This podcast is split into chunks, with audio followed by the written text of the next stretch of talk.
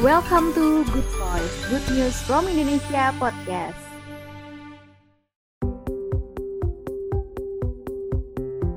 Hai kawan GNFI, balik lagi di Good Voice. Good Voice kali ini merupakan rekaman dari acara e-conference yang merupakan konferensi startup dan inovasi pertama melalui live stream Instagram. Acara ini dipersembahkan oleh e-incubator ID, Mikti dan juga GNFI. Mau tahu gimana keseruannya? Yuk dengerin podcastnya. Halo, selamat malam. Salam antusias. Apa kabarnya? Mudah-mudahan selalu keadaan semangat ya. Walaupun kita tahu pada hari ini dan minggu-minggu ini kita lagi tengah gencar-gencarnya isu uh, corona. Perkenalkan, nama saya Setiaji. Saat ini petugas di Dinas Kominfo Provinsi Jawa Barat.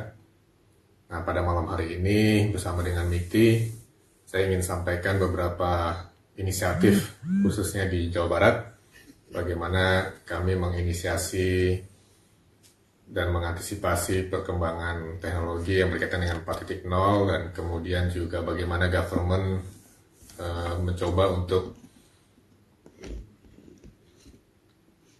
mencoba untuk beradaptasi ya dengan adanya perkembangan teknologi saat ini. Nah, eh, teman-teman mungkin tahu bahwa Jawa Barat yang berdekatan dengan DKI Jakarta adalah provinsi yang jumlah penduduknya terbesar di Indonesia. Jadi hampir 20% dari seluruh penduduk di Jawa Barat ada di Jawa Barat.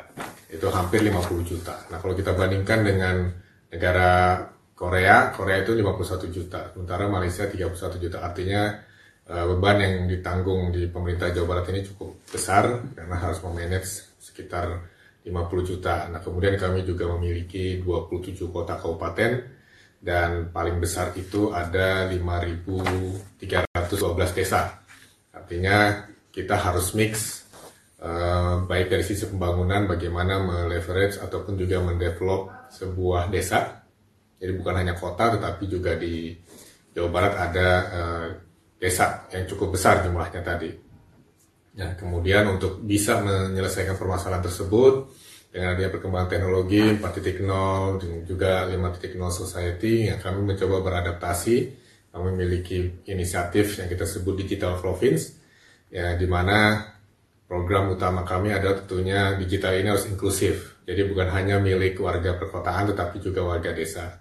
Kami tidak ingin teknologi ini bukan hanya Eh, sebagai uh, negatif saja ya, tetapi juga harus bisa dimanfaatkan untuk bisa meningkatkan khususnya pembangunan yang ada di desa. Nah, uh, di salah satu program unggulan bagaimana untuk menginklusifkan digital ini, kami punya program kita sebut digital desa, di mana digital village ini adalah dalam rangka untuk how uh, teknologi to improve not, not only about the ekonomi tetapi juga social impact sehingga teknologi yang uh, kita implementasikan di desa itu benar-benar bisa meningkatkan harkat martabat yang ada di desa. Nah beberapa programnya ya tentunya bukan hanya uh, infrastruktur karena kita ketahui bahwa di Jawa Barat ternyata masih ada loh hmm. daerah-daerah yang boro-boro ngomongin 5G ya di sana itu masih ada yang 0G. Nah, oleh karena itu uh, yang perlu kita lakukan adalah mengimprove uh, infrastruktur di sana dengan menambah konektivitas. Nah, kemudian juga hal yang lain yang kita lakukan adalah bagaimana pemerintahnya bisa uh, mengikuti perkembangan zaman ataupun perkembangan teknologi ini. Oleh karena itu kami juga mengadop yang kita sebut government 4.0 atau kita sebut uh, dynamic governance, di mana pemerintahnya juga harus agile dan dinamis mengikuti uh, perkembangan di teknologi terkait, mulai dengan bagaimana kami harus uh, bisa fast respon terhadap kebutuhan masyarakat dan kemudian juga bagaimana teknologi ini bisa diakselerasi uh, digital ini lebih cepat. Nah, kami membentuk tim yang kita sebut Jabar Digital Services. Nah, unit inilah yang membantu kami untuk mengakselerate program-program digital. Dan unit ini yang kita sebut juga startup tetapi rasa pemerintah ya. Jadi kalau teman-teman ingin bekerja di pemerintahan tetapi rasa startup, mari join dengan uh, kami. Nah kemudian di sisi lain yang paling penting juga adalah pendidikan. Di Jawa Barat ini banyak sekali yang lulusan-lulusan vokasional itu yang tidak tersalurkan ke dunia kerja. Uh, problemnya apa? Karena tidak match antara kurikulum dan uh, kebutuhan industri. Oleh karena itu kami harus fokus juga meningkatkan kapasitas talent khususnya di digital talent yang saat ini masih gapnya cukup besar untuk bisa langsung terjun di uh, dunia kerja. Nah kemudian juga yang paling penting lagi adalah bagaimana teknologi ini juga bisa uh, akrab ke manusia atau kita sebut society tadi ya agar uh, bisa dimanfaatkan secara maksimal dan juga uh, secara arif oleh masyarakat yang tinggal di desa maupun di perkotaan. Dan yang paling penting yaitu kolaborasi. Dan kami banyak sekali digital programs yang kami miliki bukan hanya kita tadi setup digital uh, services tapi juga kami membangun uh, e-government yang mengintegrasikan aplikasi termasuk develop common centers yang kemarin kira-kira dua minggu lalu juga baru saja kami launch ya dan kemudian ada berbagai macam program-program lain untuk bisa meningkatkan atau mengakselerasi digital kami.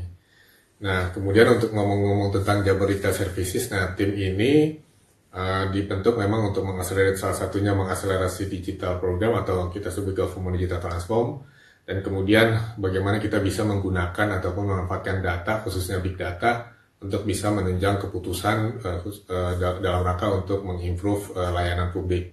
Dan tentunya adalah eh, uh, yang paling penting adalah bagaimana citizens bisa improve dari sisi uh, ekonomi, sosial dan lain sebagainya menggunakan digital tadi.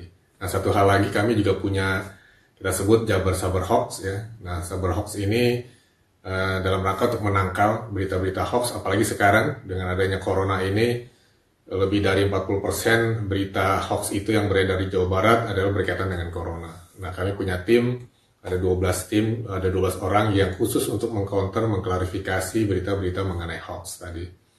Dan kemudian uh, dalam rangka untuk mengintegrasikan, karena kami punya 20 juta kota, kota kabupaten, uh, the problemsnya adalah bagaimana integrated data informasi agar secepat mungkin masuk ke sistem yang ada di provinsi. Ya, kami membangun common centers di bukan hanya di provinsi tetapi juga di setiap kota kabupaten. Tahun lalu kami sudah bangun empat common centers dengan tema-tema berbeda-beda sesuai dengan karakteristik uh, daerahnya dan kemudian dengan comment center inilah diharapkan seluruh informasi data bisa terintegrasi secara baik melalui comment center tadi. Di satu sisi juga pemerintah kota kabupaten bisa memonitor perkembangan masyarakatnya termasuk juga problem-problem atau isu-isu yang harus disolve.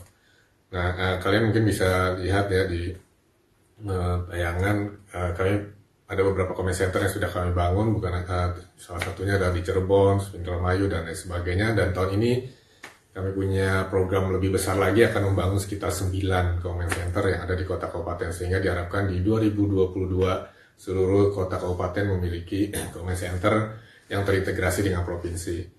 Nah, selain comment center ini berfungsi sebagai untuk memonitor berbagai hal, salah satunya sekarang kami fungsikan adalah untuk sebagai pusat informasi untuk uh, penanggulangan COVID-19 ya, nah atau kita sebut namanya Picobar.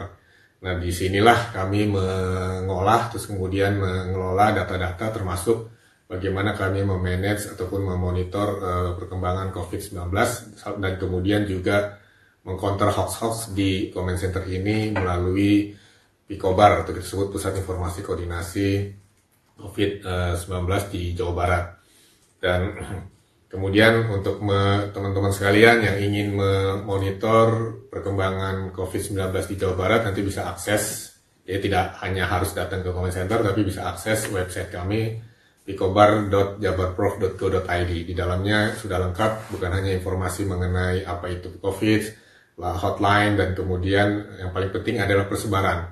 Persebarannya juga sudah uh, terdata di sana, sehingga teman-teman nanti bisa waspada di daerah-daerah tertentu sehingga uh, bisa uh, secara self sendiri ya uh, untuk bisa menghindari daerah-daerah yang terpapar corona. Nah kemudian dalam rangka untuk kolaborasi kami memiliki tentunya partners. Nah, kami punya program kita sebut Pentahelix atau lima kolaborasi. Ya, salah satunya adalah government, kemudian media, university, tentunya juga uh, komunitas dan yang dan uh, lain sebagainya.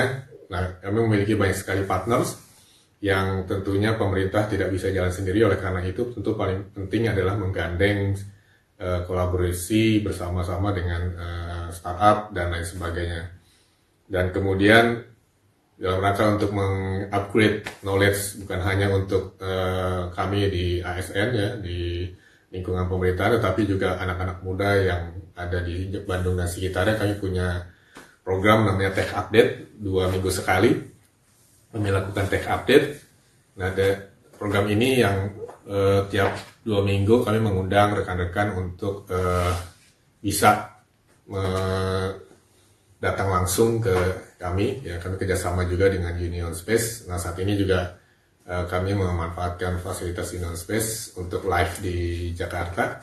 Dan kemudian untuk di Bandung, uh, kalian juga tidak perlu hadir langsung ke sana, tetapi pantau terus ya IG, buat digital services yang tiap dua minggu sekali kami melakukan uh, workshop ataupun seminar dalam rangka untuk mengupgrade pengetahuan teman-teman sekalian. Nah, kemudian dalam rangka untuk menunjang infrastruktur yang kami miliki, kami juga telah mendevelop kita sebut uh, Jabar Cloud ya. Dengan adanya Jabar Cloud ini semua OPD apa institusi yang ada di Jawa Barat ataupun juga kota kabupaten lagi nggak perlu lagi mendevelop sebuah uh, data centers yang itu memerlukan biaya dan kemudian juga membutuhkan human resource yang tidak uh, sedikit oleh karena itu mereka biar fokus mengembangkan solusi biar kami menyediakan infrastruktur melalui Jabar Cloud. Nah Jabar Cloud ini sudah menggunakan teknologi yang yang uh, terbaru sehingga teman-teman di kota kabupaten ataupun di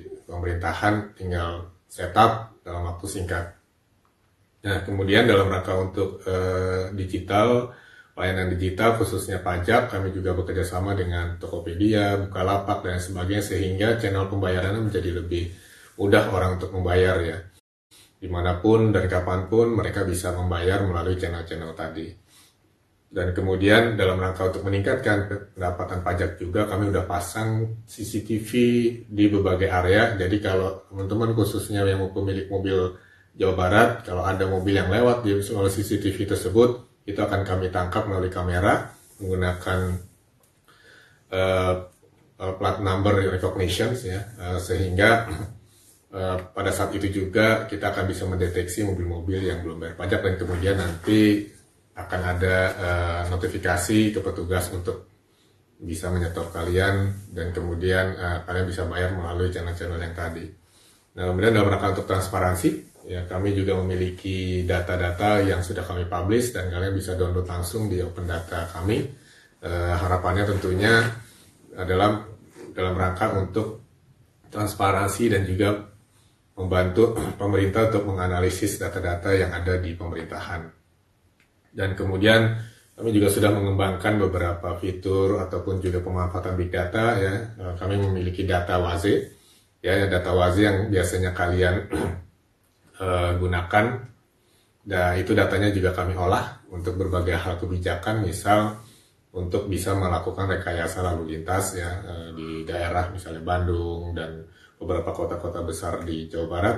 Kemudian juga kita bisa menganalisis daerah-daerah mana yang jalannya rusak ataupun juga ada genangan karena di Waze itu kan ada fitur report ya. Nah itu yang kita olah yang kita analisis bersama tim data kami.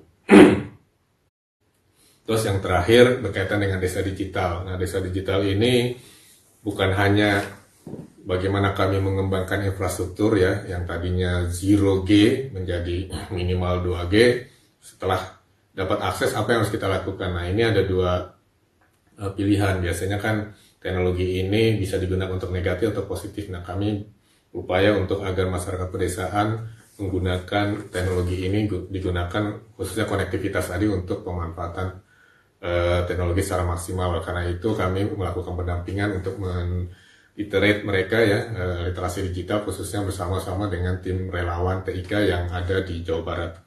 Kemudian yang berikutnya setelah mereka ter edukasi pemanfaatan teknologi, eh, kita menggunakan beberapa teknologi untuk meningkatkan ekonomi, misalnya e-commerce, jadi mereka bisa menjual produk-produknya langsung melalui e-commerce dan atau misalnya menggunakan uh, uh, booking.com untuk mereka menyediakan guest house. Apabila di daerah tersebut memang ada tempat-tempat wisata. Dan kemudian hal-hal lain. Nah setelah itu baru meningkat ke berikutnya untuk menggunakan uh, industri 4.0 seperti IoT. IoT ini sudah kami gunakan di berbagai hal seperti peternakan, perikanan dan lain sebagainya. Nah ini semua digunakan untuk mengimprove yang kita sebut adalah indeks pembangunan desa sehingga diharapkan desa itu tidak ada lagi yang sangat tertinggal di Jawa Barat. Nah saat ini uh, dari 2018 dan 2019 sudah tidak ada lagi desa yang sangat tertinggal di Jawa Barat. Nah ini adalah merupakan bukti bahwa dengan adanya digital, teknologi, kita bisa mengimprove desa sehingga bisa meningkatkan taraf kapasitas kota ataupun desanya. Nah, dari tema di digital yang kami siapkan ini, ada 10 tema yang uh, kami siapkan. Ya, salah satu adalah tadi pertanian. nah, saat ini kami sudah kerjasama dengan Abibi Garden untuk bisa mengimprove pertanian yang ada di Jawa Barat yang tadinya menunggu musiman ya, nunggu hujan, nah, sehingga bisa dilakukan uh, tanam setiap saat dengan menggunakan teknologi uh, IoT. Kemudian juga uh, perikanan, saat ini kami sudah bekerja sama dengan e-fishery yang biasanya dilakukan manual, sekarang menggunakan teknologi uh, feeding otomatis sehingga segala uh, pemberian makanan, pakan dan sebagainya bisa otomatis dilakukan. Dan yang paling penting uh, omsetnya menjadi meningkat. Nah kemudian kami juga kerjasama dengan Tokopedia Center yang punya program kita sebut Pusat Digital Desa atau Talesa. nah di sinilah uh, kami berupaya untuk menempatkan digital di setiap desa dengan uh, bantuan ataupun koordinasi bersama dengan Tokopedia. Jadi di sini ada warung offline sehingga warga yang tadinya tidak bisa membeli barang secara murah, isunya kan biasanya di desa itu harga barang lebih mahal dibandingkan yang ada di kota. Nah, dengan kehadiran Tokopedia Center ini atau kita sebut digital desa membuat para warga purchasing powernya menjadi lebih meningkat sehingga mereka bisa beli walaupun mereka nggak punya handphone mereka bisa datang ke Tokopedia Center tadi kemudian nanti bisa beli online barang-barang dari Tokopedia Center dan kemudian barangnya nanti diambil di sana. Nah kemudian satu sisi mereka juga bisa menjual produk-produknya. Jadi ada salah satu produk yang sangat terkenal juga sekarang ada sabun mencerang itu sabun untuk pencuci piring ya saingannya Mama Lemon. Ya dengan adanya produk-produk desa ini sehingga mereka bisa uh, meningkat taraf hidupnya. Dan satu sisi juga di, digital desa ini kita akan jadikan juga pusat layanan digital dan juga pusat pelatihan buat warga desa berkaitan dengan digital. Kemudian ya kalau perikanan tadi ya dengan e-fishery, jadi saat ini sudah ada sekitar 2000 kolam yang kami pasang peralatan uh, e-fishery tadi sehingga uh, petani meningkat pendapatannya dan kemudian nanti mereka juga men, kita kerjasama juga dengan e-commerce juga karena isunya kan pada waktu barang itu meningkat dijual ke mana? Kita kerjasama dengan belibi.com jadi kalau teman-teman sekalian mau beli ikan lele sekar dari Indramayu ya di desa Puntang itu bisa masuk ke belibi.com dan cari ikan lele di fishery. Dan itu e, nanti kalian bisa dikirim ikan fresh ya dari e, Indramayu. Dan kemudian ada tematik tematik lainnya seperti kesehatan ya, dengan dokter dan lain sebagainya. Dan kemudian yang terakhir kami memiliki aplikasi Sapa Warga.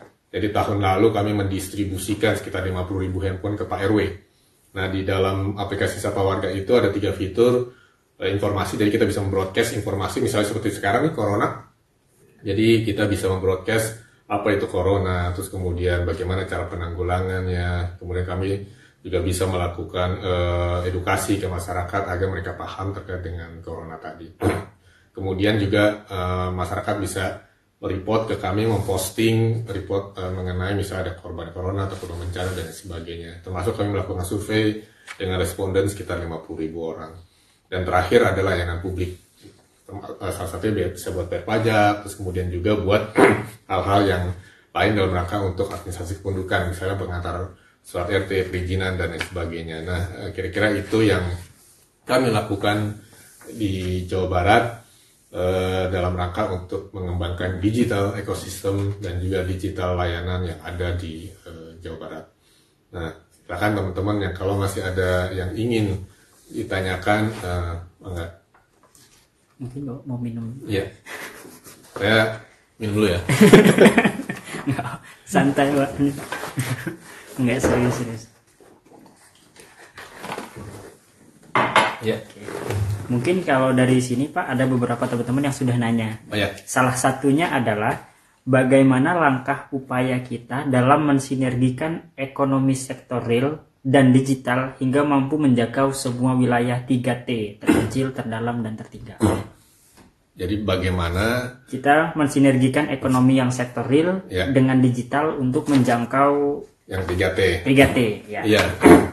Nah tadi sebenarnya kan saya juga sudah menyebut ya untuk bisa menjangkau mereka tentunya eh, harus ada infrastruktur yang dibangun ya. Infrastruktur bukan hanya sisi aksesibilitas jalan ya, tetapi juga akses eh, komunikasi. Eh, ini juga program yang eh, tahun lalu kami fokuskan jadi ada sekitar 386 titik yang sudah kami fasilitasi untuk bisa ada akses komunikasi. Nah diharapkan dengan adanya akses teknologi, komunikasi dan lain sebagainya itu bisa menimbulkan uh, uh, ide, gagasan dan lain sebagainya untuk meningkatkan taraf kehidupan mereka ya. Contohnya yang paling nyata ya tadi dengan cara uh, paling mudah misalnya menyediakan homestay ataupun juga mereka bisa menjual produk-produk dan kemudian kami juga sebenarnya punya program satu village satu produk ya. Jadi ada beberapa desa yang uh, punya produk-produk yang tertentu itu juga uh, kami tingkatkan dan dengan ada teknologi justru meningkatkan uh, pasar mereka ya. Jadi uh, membuka pasar, terus kemudian juga meningkatkan uh, skillnya mereka. Kalau mereka udah terbuka pasar, pasti kan ada kebutuhan untuk meningkatkan capacity. Nah, teknologi masuk untuk meningkatkan capacity yang tadinya manual menjadi lebih uh, otomatis ya. Nah, kira-kira itu tentunya harus ada uh, infrastruktur yang nyambung kemudian sisi berikutnya ada capacity building untuk SDM dan lain sebagainya. Oke. Nah mungkin bagi yang teman-teman yang menjawab tadi itulah jawabannya. Ya. Nah selanjutnya nih ada pertanyaan nih Pak dari Lutienza. Ya. Mas Setiaji, upaya apa yang bisa didukung oleh Jabar Digital Service terkait dengan digitalisasi sektor pariwisata di Jawa Barat? Ya, uh, salah satu program juga di tema digital desa itu kami juga punya digit, uh, desa wisata ya. Nah tahun ini kami uh, akan fokus ke sana. Kalau kemarin sudah ada digital pertanian, digital peternakan, nah tahun ini kami memang uh, sedang coba memfokuskan di desa wisata. Nah, di wisata ini kan uh, sebenarnya teman-teman uh, sekalian pada waktu mau datang ke sebuah tempat kan sering selfie ya. Nah itu juga sebenarnya Uh, keuntungan buat kami sehingga orang-orang lain uh, ini adalah ajang promosi. Nah, salah satu uh, program kami juga adalah bagaimana bukan hanya meningkatkan infrastruktur di sana, tetapi juga dari sisi promosi, integrasi dan lain sebagainya. Yang kami inginkan tentunya ada sebuah sistem yang mengintegrasikan berbagai hal mulai dari trip planner, terus kemudian uh, booking hotelnya dan lain sebagainya, termasuk informasi yang pas ataupun informasi yang full yang lengkap untuk uh, mengenai destinasi wisata. Nah, kami dari Jabar Digital Service fokus untuk integrated uh, berbagai data tadi sehingga masuk ke dalam sebuah aplikasi. Aplikasi ini tidak harus kami yang buat. Jadi teman-teman sekalian yang punya ide atau gagasan juga terkait dengan wisata uh, silahkan bergabung dengan kami dan kami akan uh, bisa memprovide beberapa data dan informasi untuk bisa saling uh, tukar API. Jadi kami punya mimpi juga bukan bikin bukan hanya bikin Bandung Lautan Api tapi Jabar Lautan API ya. Nah diharapkan kita bisa share API, payment dan lain sebagainya meng menggunakan platform kami. Oke. Nah uh, mungkin ini ada ada keterkaitannya dengan uh, pertanyaan sebelumnya. Pak. Ya pertanyaannya adalah jika anak muda punya ide untuk startup khususnya Jawa Barat, ya. kita harus ke mana?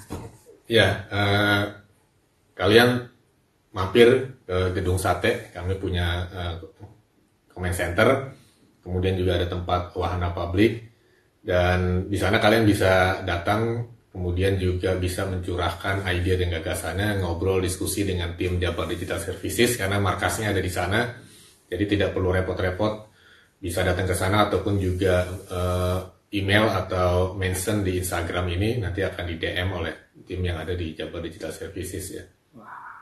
Oke, mungkin itu menjadi sebuah pertanyaan terakhir kita. Oh, oke. Mungkin sebelum kita closing ada closing statement dari Ya, eh, terima kasih eh, para startup antusias ya. Eh, jadi dengan adanya teknologi sebenarnya kita tidak menutup eh, kegiatan kita ya. Sekarang kan sedang eh, rame-ramenya work from home ya.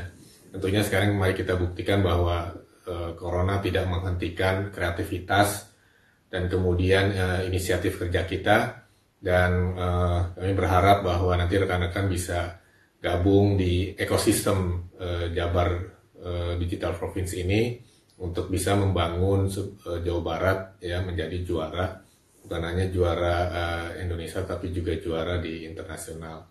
Dan jangan lupa bahwa sebelum jadi kota itu dulu adalah desa. Oleh karena itu mari membangun desa untuk meningkatkan eh, produktivitas ataupun mencegah masyarakat desa urbanisasi ke kota sehingga kita bisa timbulkan opportunity yang lebih besar di desa. Dan kami yakin bahwa dengan pembangunan sebuah desa melalui teknologi ini bisa meningkatkan ekonomi Jawa Barat dan khususnya eh, Indonesia menjadi yang lebih eh, maju lagi. Ya. Selamat malam, terima kasih. Assalamualaikum warahmatullahi wabarakatuh. Waalaikumsalam